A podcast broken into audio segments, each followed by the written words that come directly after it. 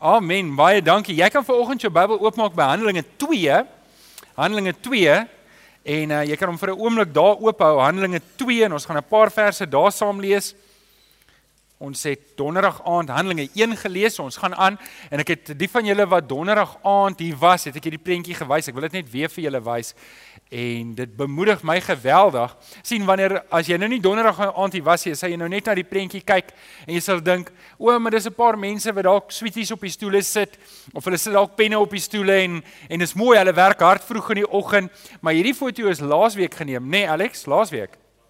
Laas Sondag, laas Sondag. En daai mense wat daar rond staan, is nie besig om sweeties op die stoele te sit of penne op die stoele te sit nie. Hulle is besig om te bid vir die mense wat op daai stoel gaan sit tydens die diens. En ek moet vir julle sê dit bemoedig my geweldig om te dink dat die Here vir ons seën. En uh, ons het mos nou al 'n paar weke oor hierdie tema gepraat, hierdie onderliggende tema dat die Here vir ons sal seën dat ons 'n biddende gemeente sal wees. En en uh, ek ek dank die Here. Gee vir daai manne en vrouens hande klap toe. Uh Janka, ek het nie onthou nie, was daar nou nog 'n foto wat ek wou gewys het? Nee, daar was nie nog nie. Kom ons sluit die oor. Kom ons sluit die oor en bid ons saam.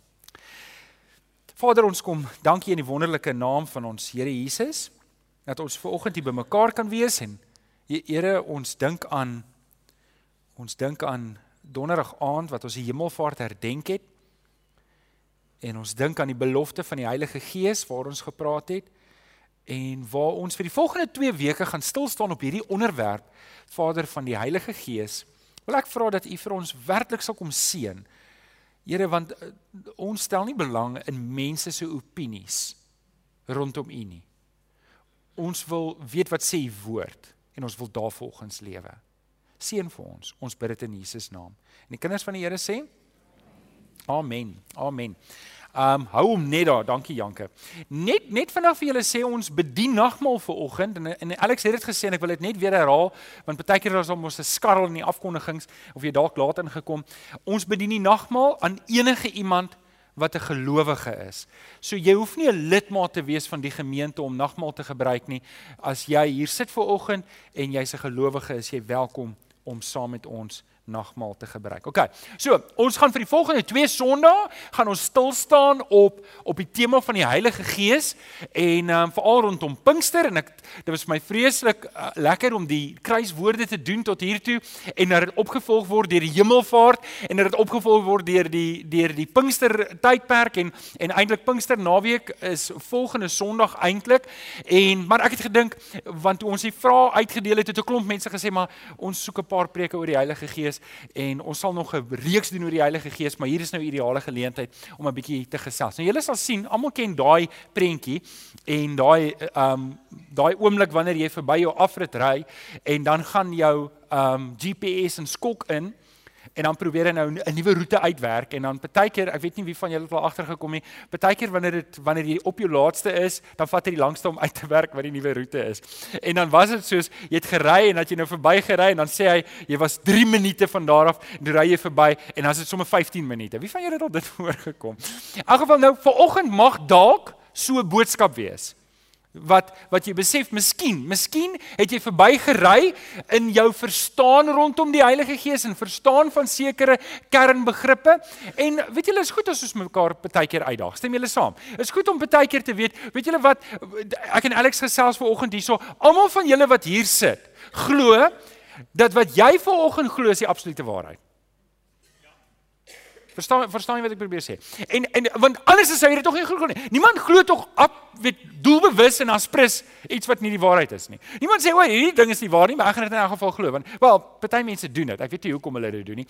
Maar en dit sit ons in 'n unieke posisie dat jy glo sekere goed en ek glo sekere goeters en dan kan tog net een persoon wees wat reg is en ek impliseer nie dat dit ek is nie glad nie. Die woord van die Here is altyd reg. Amen. Amen. So oké, okay, ons gaan vanoggend 'n bietjie praat. Ek dink, ek dink vanoggend gaan dalk gaan ek probeer om 'n klein bietjie 'n tegniese kant van die Heilige Gees in te bring, um om die fondasie te lê en volgende week se tema is die vraag hoe om 'n geesvervulde lewe te lei. Hoe om 'n geesvervulde lewe te lei. So met ander woorde, ek wil hê jy moet daai boodskap ook bywoon want hy volg op hierdie een. Okay, nou so ons is in die Pinkstertyd. Wat is Pinkstertyd? Nou Pinkster is nie is nie 'n uitsluitlike Nuwe Testamentiese ding nie. Dit kom eintlik uit die Ou Testament uit. Die Pinkster die woord Pinkster kom van die Griekse wat beteken 50 dae. En uh, maar dit kom eintlik van die Ou Testament wat in Eksodus en Numeri en Deuteronomium oral word dit voorgeskryf hoe hierdie feeste gehou moet word. En ons twee groot feeste wat gehou word, dis die fees uh, die fees van die oeste en die fees van die eerstelinge. En en hierdie twee feeste het saamgegaan. Dit was 7 weke na Pasga. So met ander woorde wat 7 maal 7 49 plus die dag van die Pasga was dan nou 50 wat 'n Sondag was. So met ander woorde, ons ken die Pinksterdag as die dag wat die Heilige Gees uitgestort is, maar eintlik kom dit van die fees van die oeste af. En en en wat vir my wonderlik is is hoe die Here die lyn laat loop. Want wat gebeur het, die boere het bymekaar gekom en hulle moes hulle eerste oes moes hulle vir die Here bring. En hulle eerste lam moes hulle vir die Here bring. Hulle moes hom offer. En is dit nie presies wat die Here doen in die evangelie nie? Hy bring nou is my kruis weg. Hy bring die Here Jesus en hy bring sy eie offer, die eerste lam wat geslag is, die werklike lam. So en 50 dae daarna word die oes ingebring en ons hou die fees van die oes want Jesus het gesê die oes is groot maar die Arbeiders is min. Alex het mooi daaroor gepraat. Nou, nou daai gedagte wat ek en jy moet vasmaak is, die Pinkster tydperk, dis nie toevallig dat God besluit het om die Heilige Gees uit te stort op die Pinksterdag nie. Hy het hy het juist gedoen met daai doel om te sê ons gaan nou die oes inbring. Maar die oes is nie meer koring of mielies of druiwe nie. Die oes is nou siele van die Here. So ek wil net hê julle moet verstaan waar die Pinkster vandaan kom. En dis 'n kosbare gedagte. OK, nou wil ek 'n bietjie met julle praat oor die Heilige Gees. Uh Janke sê jy net vir ons daai eerste een opsit. Ek ek ek, ek daar's 'n groot ding wat mense weet wat die waarheid is, maar wanneer hulle optree dan is dit asof hulle dit nie weet nie. Ek wil volgens hê jy moet verstaan die Heilige Gees is nie 'n force nie, dis nie 'n krag nie en dis nie 'n beweging nie.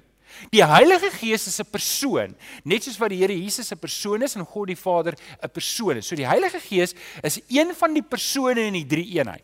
En en ek wil dit net wys. Ek gaan die verse wys as jy dit vinnig kan neerskryf, kan jy dit skryf en gaan lees by die huis. Ek gaan nie al die verse lees nie, maar 'n uh, 'n paar van die goed wat vir ons wys dat die Heilige Gees het persoonseienskappe. Ons lees dit in 1 Korintiërs 2 vers 10 tot 11. Die Heilige Gees het kennis en wysheid. On, ons lees in 1 Korintiërs 12 vers 11 dat die Heilige Gees het het het diskresie en sy eie wil. Nie bedoelend buite God die Vader se wil nie, maar hy het 'n wil. Hy kan hy kan hy kan hy kan God se wil aan ons bekend maak. Romeine 15 vers 30 lees ons dat die Heilige Gees het liefde.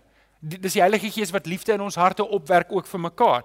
In Lukas 12 vers 12 lees ons dat die Heilige Gees is ons leermeester. So hy is ons leermeester. Hy leer ons die pad. Ons lees in Um Handelinge 13 vers 2 die Heilige Gees lei ons wees soos die leermeester hier. Romeine 8 vers 26 lees ons dat die Heilige Gees ook vir ons bid. En dan in 1 Tessalonisense 5 vers 19 lees ons dat ek en jy kan die werking van die Heilige Gees in ons lewe teestaan.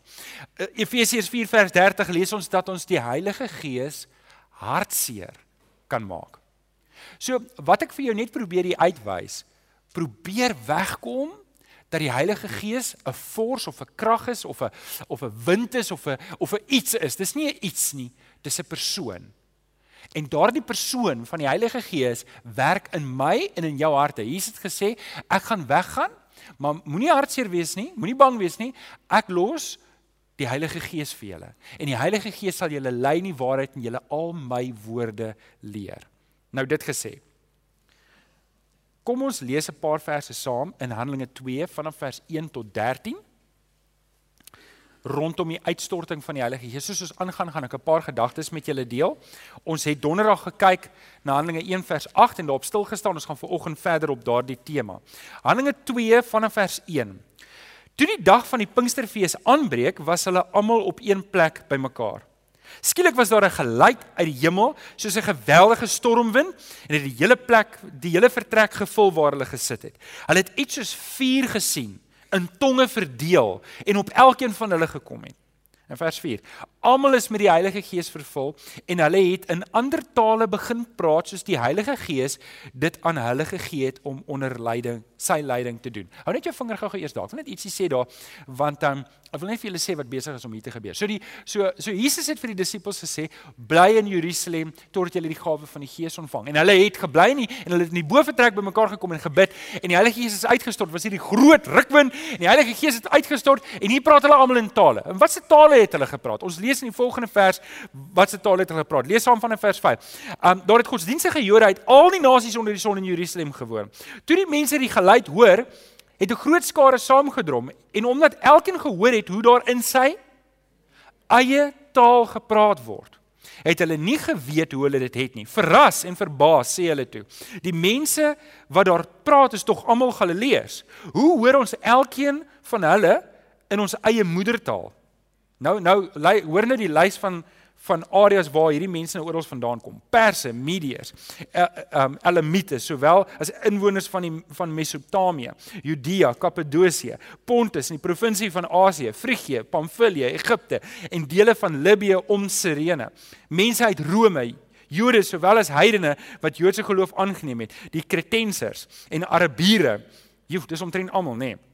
Hulle moes ook net Afrikaans ook gepraat het, dan was ons reg, nê. Nee. Ons hoor hulle almal in ons eie tale oor die groot dinge van God wat hy gedoen het. Nou okay, ek wil net gou hê julle moet verstaan dat hierdie is 'n groot wonderwerk dat hier is Petrus en die ander apostels en hulle praat in 'n taal wat hulle nie ken nie.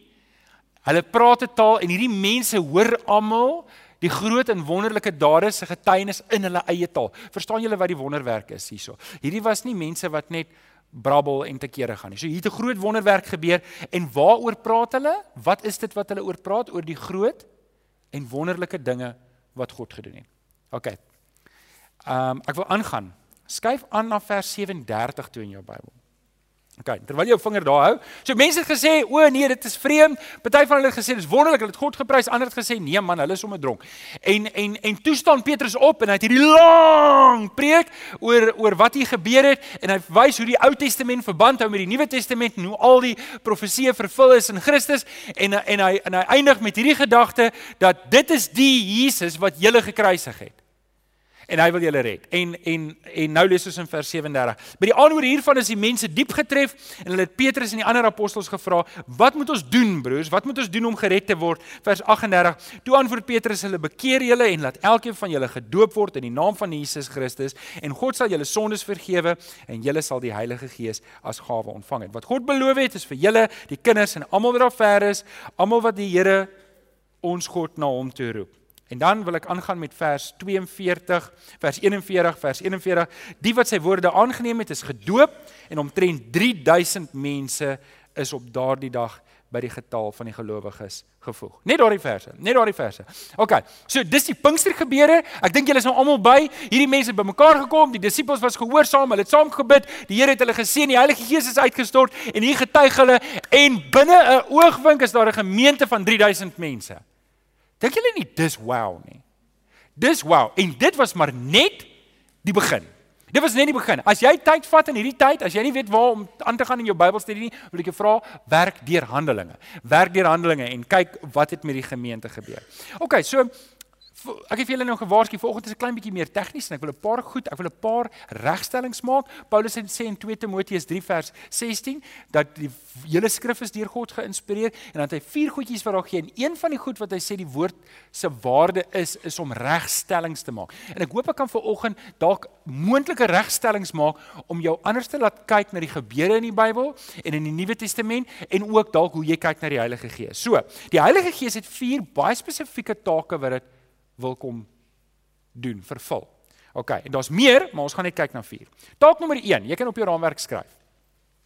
Die Heilige Gees kondig die eindtyd aan. Weet nie of julle geweet het dat dis een van die rolle van die Heilige Gees nie. Hy kom kondig die eindtyd aan. Nou, ek gaan jou nou mooi vra om vir 'n oomblik te konsentreer. Sal jy konsentreer? Gaan jy nou luister? Sê mm. OK, want ek gaan jou nou 'n vraag vra. Ek gaan twee verse lees en dan gaan ek vir julle 'n vraag vra daarop en julle moet dit antwoord. En Alex, jy mag nie antwoord nie. Sorry. Vir hierdie ene mag jy nie antwoord nie. Al die ander mag jy antwoord, maar hierdie mag jy nie antwoord nie. Alraai, ek lees vir julle twee verse. Ek weet jy gaan nie vinnig genoeg wees om daar te kom nie. Dit is op jou notas. Jy kan net luister en dan kan jy die vraag antwoord. Handelinge 2 vers 17. So sal dit in die laaste dae wees. Hoor julle mooi. So sal dit in die laaste dae wees. Ek sal my gees uitstort op alle mense. OK? 1 Petrus, dis Petrus wat preek daar net so op die kantlyn. Petrus praat en hy skryf later aan in 1 Petrus 1 vers 20 sê hy reeds voor die skepping van die wêreld is hy Jesus Christus hiervoor bestem. Waarvoor bestem? Hy beskryf dit om aarde toe kom en te sterf vir ons plek sodat daar 'n weg is vir ons waarby ons gered kan word. So, reeds voor die skepping van die wêreld is hy Jesus Christus hiervoor bestem. It was not an afterthought. God het voor die grondlegging van die aarde besluit wat hy wil doen. Hoor nou wat sê hy. Maar ter wille van julle het hy eers in hierdie eindtyd gekom. Nou wil ek julle vra, volgens hierdie twee verse, wanneer is die laaste dae en wanneer is die eindtyd? Iemand raai vat. Kom kom ek kom ek lees die verse weer, want nou weet julle waarvoor ek vra. Is dit reg? Kan ek die verse weer lees? So Handelinge 2 vers 17. So sal dit in die laaste dae wees. God sal sy gees uitstort op alle mense. Is julle by? OK, iemand het daar antwoord gegee en dan 1 Petrus 1 vers 20, reeds voor die skepping van die wêreld is hy, Jesus Christus, hiervoor bestem, maar ter wille van julle het hy eers in die eindtyd gekom. OK. Kom ek kom ek verduidelik. Kom ek verduidelik. sien vriende, vir wie is die Bybel geskryf?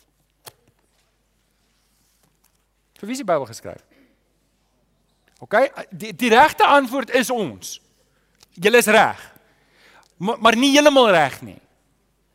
OK, daar was 'n eerste leser gewees voor my en jou. Byvoorbeeld, as Paulus skryf aan die gemeente in Korintiërs, wil ek julle vra, is julle in Korinte nou op hierdie oomblik? Is ons die gemeente van Korinte? So vir wie het hy die brief geskryf? Vir ons of vir hulle? Vir hulle. As Paulus skryf aan Timoteus, kan ek die boek die boek van Timoteus vat en al Timoteus se name uitkrap en my naam daar inskryf. Ek sien 'n paar van julle wonder, maar kan ons dit nie regtig doen nie? Jy kan nie eintlik nie, hoor. Kyk, sien vriende, dit is 'n groot eksegetiese brug waar ek en jy moet kom. Ek en jy moet verstaan dat hierdie Bybel is eers geskryf vir spesifieke mense. Ek het dit donderdag aand verwys weer. Lukas skryf vir 'n ou met die naam Theophilus. En hy skryf vir 'n rede. En as ek en jy verstaan hoekom hy die brief skryf en ons, ons verstaan wat die doel daar agter is en ek lees dit dan, dan gaan ek baie beter konkrete konklusies kan maak. Daar kom my woord weer uit. As wat ek gaan doen wanneer ek net sê, "O, wow, wel hier is vir my geskryf, ek gaan alles net my naam insit en dit vat." Verstaan julle wat ek probeer sê? OK, so sien wanneer ek Openbaring vat en ek aanvaar dis vir my geskryf, dan aanvaar ek outomaties Dis nie geskryf vir die ouens van 30 jaar terug. Dis nie geskryf vir ouens van 100 jaar terug. Dis nie geskryf vir ouens van 500 jaar terug nie, want dit mos nou vir my geskryf. Al hierdie goeders moet gebeur nou vir my, in my tyd. En so met ander woorde, Openbaring het geen waarde gehad die laaste 2000 jaar nie. Dit het net nou waarde. Verstaan julle wat ek probeer sê? Dit kan tog nie wees nie. Dit werk andersom. En vriende, ek wil hê jy moet altyd onthou wanneer jy die Bybel lees, moet jy vir jouself sê, wat het die eerste lesers verstaan? En eh, vriende, kan ek eerlik wees? Ons moenie so lui wees wanneer dit kom by die woord van die Here nie. ons moet ons moet 'n bietjie dieper delf. Ons moet bietjie kyk. Wie is die ou? Wie was Timoteus?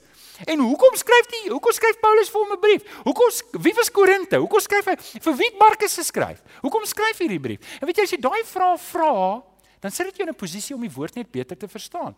Baie, baie van die misverstande wat ons vandag het, is omdat mense vergeet daar is 'n brug waar ons moet kom. En en weet jy jy het die Heilige Gees en dis waar. Maar weet jy die Heilige Gees gaan nie my onkunde override nie as ek kies om dit te glo nie. OK, so. Kom ek wys gou vir julle iets. Ek gaan vir julle sommer so 'n bietjie interessantheid gee. Want onthou ek het vir julle gesê dis 'n bietjie tegnies. Is julle OK? Skuif daai stoel reg. Ons is amper klaar. Ons is amper klaar. OK, so ek wil julle vertel van 'n ou met die naam Clarence Laken. Clarence Laken het gelewe in um in die laat 1800s en die vroeë 1900s. Ek sê ek lei julle nou met 'n ding want ek wil ek wil jou gedagtes 'n bietjie prikkel. Ek wil jou 'n bietjie uitdaag. Ek wil jou vir oggend challenge. Clarence Laken was baie baie gefassineerd met Openbaring. Net soos wat julle nou is daar met daai prentjie wat hy geteken. Hy het hierdie prentjie geteken. Moenie te diep daarna kyk nie want ek glo nie dit is die waarheid nie. Dis So by the way. Um en hy hy hy het Openbaring oopgebreek uit die sewe gemeentes gevat waar ons volgende kwartaal preek en hy het uitgeleen het gesê die sewe gemeentes in Openbaring is sewe dispensies, dis tye waarin die kerk kom bevind en hy het in 180 nee 1890 1895 het hy al gesê ons lewe in die eindtyd. En en en hy gaan skryf toe 'n boek met die naam The Dispensational Truth. Jy kan dit vandag koop. Dis een van die topverkopers van van baie tye. Ehm um, maar dis nie so goed. Jy hoef dit nie te koop nie, want dit is nie so goed nie. So by the way, dit was 'n baptiste predikant. En hy was baie lief vir die Here en hy was 'n baie dinamiese predikant. Maar ehm um, hy het presies die fout gemaak waarvan ons nou praat. Hy het Openbaring gelees asof dit vir hulle geskryf is en vir niemand anders nie. En toe het hy tot hierdie prentjie gekom En in 18 in 1918 toe kom sy boek uit en hy verkoop massas van hierdie boeke. Maar die van julle wat onthou van wat daai tyd nog geleef het, wat het ook in 18 uh, 1918 gebeur? Kom aan, dink nou mooi. Wie van julle het daai tyd al gelewe? Wat het gebeur in 1918? Wat was besig om te gebeur? Die wat? Die wêreldoorlog. Nou sê julle vir my, as die hele wêreld mekaar besig is om dood te skiet, Sê jy nie ook opgewonde raak om te hoor dis die eindtyd, die Here gaan nou kom nie? As as ek vir jou sê, hoorie, daar's 'n aardbewing hier en daar's 'n aardbewing daar en daar's gerugte van oorlog. Dis al die tekens van die tye, julle die Here gaan nou kom. Gaan julle my glo? Gaan? En dis presies wat daar gebeur het. So die boek het verkoop so soetkoek. En ek dink nie hy het dit gedoen vir geld maak nie. Ek dink hy was eerlik. Daai oorlog het toe aangehou tot 1945, die Tweede Wêreldoorlog, want dit was maar nooit regtig opgehou nie. En het die wederkoms toe plaasgevind? Nee, okay. Ons het ons het so 'n paar jaar terug, die van julle wat nou jonger is, wat nou nie in 1918 geleef het nie, sal onthou 1999 en daar het 'n hele reeks uitgekom met 'n man met die naam Tim LaHaye se Left Behind series. En dit het verkoop so soetkoek. Nou, kom ek gee hom krediet. Hy het nooit gesê ons weet die einde van die wêreld is nou nie. Maar uh, hy het tog op daai bussie gery, en daai bussie gery tot hy gebreek het. En wie van julle het 'n Left Behind boek op jou rak? Ek wil net gou gesien. OK. En dit het toe nie gebeur nie, nê. Nee. Ek wil net weet ons is nog hierso, nê. Nee. OK. So, hoekom ek dit vir julle sê is, Timla hy het presies gedoen wat Clarence Laken gedoen het om te aanvaar dat daai gebeure is vir ons vir vandag geskryf. En vriende, weet julle, ek ek wil net eers net net net net hê jy moet as as jy net hierdie ding kan doen deur om die skrifte vat en te lees en te sê, "Alraai, kom ek probeer verstaan wat het hulle verstaan?" Dan gaan ek baie meer van die woord verstaan. En dan gaan Openbaring nie so weird wees nie. Regtig nie, hoor. As jy net verstaan wat hulle verstaan het, dan gaan jy dan gaan jy klaar, dan gaan vir jou enige ou kan Openbaring lees en enige ou. Maar ek is nou by 'n spesifieke tema. Ons het nou gesê die Heilige Gees kondig die eindtyd aan. So sê gou-gou vir my. Was Clarence Laken reg om te sê die eindtyd was in 1918? Wie sê wie sê nee, hy was nie reg nie. OK, wie sê ja, hy was reg? Wie weier om te stem? Ek wil net sien. OK. OK.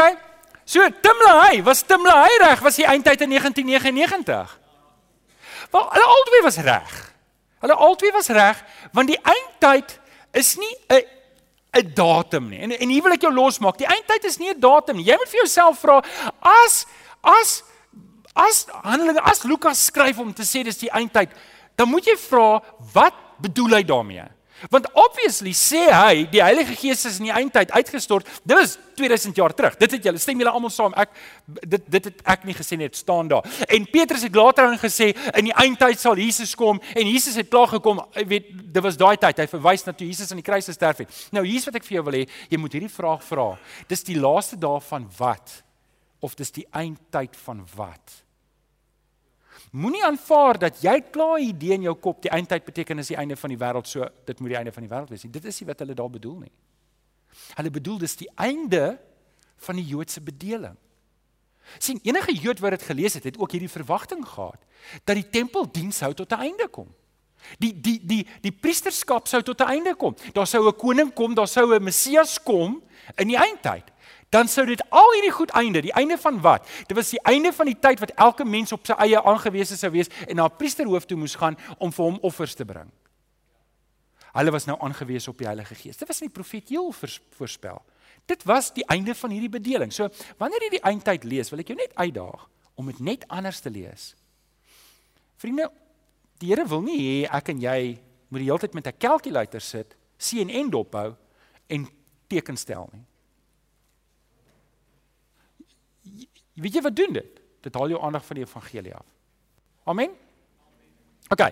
So, wat doen die Heilige Gees? Wel die eerste ding wat dit doen is, Hy kondig die eindtyd aan. Hy kondig die eindtyd vir hulle het dit sin gemaak vir ons wil ons nou iets anders hê, maar dit was wat die wat die eindtyd vir hulle beteken het. Nommer 2, die tweede taak van die Heilige Gees is dit kondig redding vir almal aan. Dit kondig redding vir almal aan. In Joel 2 vers 32 staan presies dieselfde as Handelinge 2 vers 21. Elkeen wat die naam van die Here aanroep, sal gered word. En vriende, ek wil hê jy moet verstaan, dit is wat die Heilige Gees se taak in my en in jou lewe is. Die taak van die Heilige Gees is om ons nader te trek aan die Here, om ons tot by redding te kry. Wie van julle sit ver oggend hier en sê ek is gered, prys die Here? OK, sê prys die Here. Prys die Here. Jy's gered, so jy's op pad. Nou, wil ek 'n nog 'n term. Ek het julle gewaarsku is 'n tegniese diens hierdie.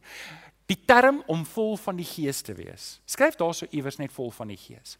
Want sien dis nog 'n ding wat ek dink die GPS ons het nou verbygery en nou moet ons hierdie route want weet julle wat? Ek dink baie mense dink om vol van die Heilige Gees te wees is om en ek bedoel dit met alle respek maar ek bedoel dit ook eerlik en hard is om hoendervleis te kry. Ooh het julle dit gevoel? Dit was die Heilige Gees.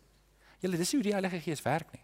En ek wil jou uitdaag om die hele Bybel deur te lees veral Handelinge En gaan merk elke keer wanneer daar staan en Petrus was vol van die Heilige Gees en Stefanus was vol van die Heilige Gees en die sewe diakens was vol van die Heilige Gees. En dan kyk jy wat volg daarna. Wat dink jy volg daarna? Moet ek daar los en gelees jy dit self? Weet julle wat volg daarna? Die evangelie word verkondig en nog mense kom tot bekering. Julle sal krag ontvang en julle sal my getuies wees. Nie julle gaan hoendervleis kry en en en weird belewennisse hê nie. Nee, julle gaan getuig. En en wanneer jy vol is van die Heilige Gees, dan is dan is dit 'n logiese uitvloeiing. Jy gaan getuig. En weet jy wat gaan daarna kom? Die Here gaan mense na hom toe trek. Dis wat dit beteken om vol van die Heilige Gees te wees. Vriende, ek wil jou waarsku teen teen jouself vanoggend. Ek wil jou vanoggend waarsku teen jou eie hart. Die Bybel sê in Jeremia 17 vers 9, die hart is bedriegliker bo alle dinge. Pas op vir jou emosie. Pas op vir jou emosie. Jou emosie kan jou baie maklik om die blok lei. Jou emosie, sien, baie keer vat ons belewenis en ons maak dit waarheid. Ek het nou hierdie belewenis gehad, so dit moet die waarheid wees. Nee vriende, die woord is die waarheid. En my belewennisse wat nie in lyn is met die woord nie, is vals. Sê amen daarop toe. OK. Vriende, ek het nodig dat julle hierdie goed moet verstaan want die volgende boodskap gaan gaan 'n lekker boodskap wees waar ek julle uitdaag rondom om 'n geesvervulde lewe te lê. Hey, maar ek kan nie al die goed in een boodskap inprop nie. So ek het nodig dat jy nou moet fokus. Wie is besig om aan die slaap te raak? Moenie jou hand opsteek nie. OK. So hou nog 'n oomblik uit. Hou nog 'n oomblik uit. Die derde taak, die Heilige Gees kom bemagtig ons. Die Heilige Gees kom bemagtig ons. Ons het daai vers gelees. Julle sal krag ontvang en julle sal my getuies wees. Nou ons het dit klaar gesê. sien, baie keer lyk dit vir my asof mense dink die Heilige Gees is 'n persoonlike diensknegt vir my. Die Heilige Gees moet my bedien. Die Heilige Gees moet my heilig maak. En dis waar, die Heilige Gees maak my heilig. Die Heilige Gees moet al hierdie goeders doen vir my. Maar dit is nie eintlik wat die Heilige Gees se primêre taak is nie. Die Heilige Gees se primêre taak is om jou te mobiliseer om deel van die gemeente te wees sodat ons hierdie wêreld kan omdolwe. Maar ons lewe ongelukkig in 'n in 'n in 'n baie ehm um, nou kan ek nie mooi die Afrikaanse woord dink nie, maar ons is die wat sê Afrikaans vir consumerism? Uh ek kan nie daar's hy. Maak hom sê weer verbruikers. Verbruikers. Ons lewe in 'n verbruikers, ek weet nie consumer tyd wat hoorie alles gaan om my. Alles moet my bedien. Alles is ek en ek en ek. Jy kan oor enige ding praat en ek sal seker maak dit eindig by my. En en luister na mense gesprekke. Alwaar mense praat oor hulle self en en die Heilige Gees wil my mobiliseer om ingeplug te wees in die koninkryk. Dit gaan nie oor my nie. Sê gou vir die ou langs aan, dit gaan nie oor jou nie. Dis die maklike een. Nou sê jy vir hom, dit gaan ook nie oor my nie. OK, dit gaan oor die koninkryk van die Here. Dit gaan oor die Here Jesus. sien wat die Heilige Gees doen? Ja, dit doen al hierdie goeders. Maar maar die hooftaak is, hoekom die Heilige Gees my toerus met gawes. Hoekom die Heilige Gees die vrug in my lewe wil opwek, is sodat ek 'n instrument kan wees wat bruikbaar is in sy hande daar buitekant. En hierdie goed is nodig dat ek nie opgevang word in myself nie. Ons moet nie presies die teenoorgestelde doen nie. Net net net nog 'n vers gee. Ons het Efesiërs 4 vers 30 gesê van om die Heilige Gees te bedroef. Ek het baie preke daar gehoor. Preke wat niks sê oor die res van die teks nie. Die vorige gedeelte gaan daaroor om om om weg te breek met 'n sondige lewe weg te breek daarmee. Dit is hoe ons die Heilige Gees hartseer maak. Ons maak die Heilige Gees hartseer deur hom aan te hou met my ou lewe. Ons moet wegbreek daarvan. Weet julle in die week bel 'n ma my. Dit is nie in ons gemeente nie, sy bly ook nie in die Kaap nie. So net dat jy nie wonder wie dit is nie. Sy bel vir my en sy sê vir my haar kind is in dwelms. Hulle hulle het in die week agtergekom sy gebruik dwelms. Sy's 19 jaar oud en en sy sukkel vreeslik. En weet julle, ek kan hoor hoe sy haar emosie terughou. Ek kan hoor hoe sy uh, haar emosie moet terughou om 'n sinvolle gesprek te wil hê met my want sy wil net huil. OK, eh, vriende, ek ek vertel julle hierdie illustrasie om vir julle te sê dat soos 'n ouer hartseer is wanneer wanneer die kinders afdwaal en wegdwaal, soos die Heilige Gees hartseer as ek aanhou met my ou lewe. Ek bedroef hom. Ek bedroef hom. Dit is hartseer. Wie van julle is ouers? Julle sal verstaan as jou kind weet 'n verkeerde pad kies. Dit breek jou hart, dit maak jou seer en net soos die Heilige Gees hartseer. So die Heilige Gees kom bekragtig ons en ons moet ek en jy moet saam met die Heilige Gees werk. OK, dit bring ons by die laaste een. Dan bring ons by die laaste een. Interessante hè en ek wil hê julle moet self Handelinge gaan lees. Gaan lees Handelinge dwarsdeur. Die Heilige Gees groei die kerk. Nou kom ek vra gou-gou vir jou, aan wie behoort die kerk? Dit behoort aan God. Amen. OK. Hierdie kerk behoort nie aan die konstitusionele groep of die trustees of aan wie ook al nie. Hierdie kerk behoort aan die Here. En en en hierdie kerk word deur die Here gegroei. Daarom moet ons met die Heilige Gees hande vat om saam die dinge te doen wat hy wil hê ons moet doen en dit is om die woord te verkondig. Handelinge 9 vers 31 staan daar: Die kerk is deur die Heilige Gees versterk en die ledetaal het bly toeneem. Nou vriende, hier wil ek nou stop. Hier wil ek nou stop en die orkes is besig om vorentoe te kom en ek wil julle harte begin voorberei want ons gaan nou saam nagmaal gebruik. Hoe hoekom vertel ek julle al hierdie goeters? Want ek wil hê ek en jy moenie verkeerde goed glo rondom die Here nie. Wanneer ons verkeerde goed glo rondom hom, dan hou dit ons terug. Want onthou, ek lewe vanuit die oortuiging van my geloof. En die Here kan nie Die Here kan nie die goed wat verkeerd is in my gebruik om mense te bedien nie. En ek en ek wil hê jy moet dit mooi verstaan en en en en hier moet ek en jy vir mekaar sê, "Goed Here, ek wil myself dieper ingrawe in die woord. Ek wil my dieper ingrawe in die woord want ek verstaan hierdie ding rondom die Heilige Gees. Die Heilige Gees gaan my dieper trek in die koninkryk in om daar diens te lewe. En vriende, vanoggend, waar ons nou die nagmaaltafel gaan betree en ons gaan mekaar bedien en weer eens het ek gesê dat dis oop vir alle gelowiges. Wil ek vra om jou hart voor te berei. Veral vir volgende Sondag om te sê Here, help vir my dat ek nie u gees bedroef. Nie deur my leefstyl nie. Nie deur om hardkoppig vas te hou aan verkeerde goed wat ek glo nie. Dat ek u sal dien op u terme.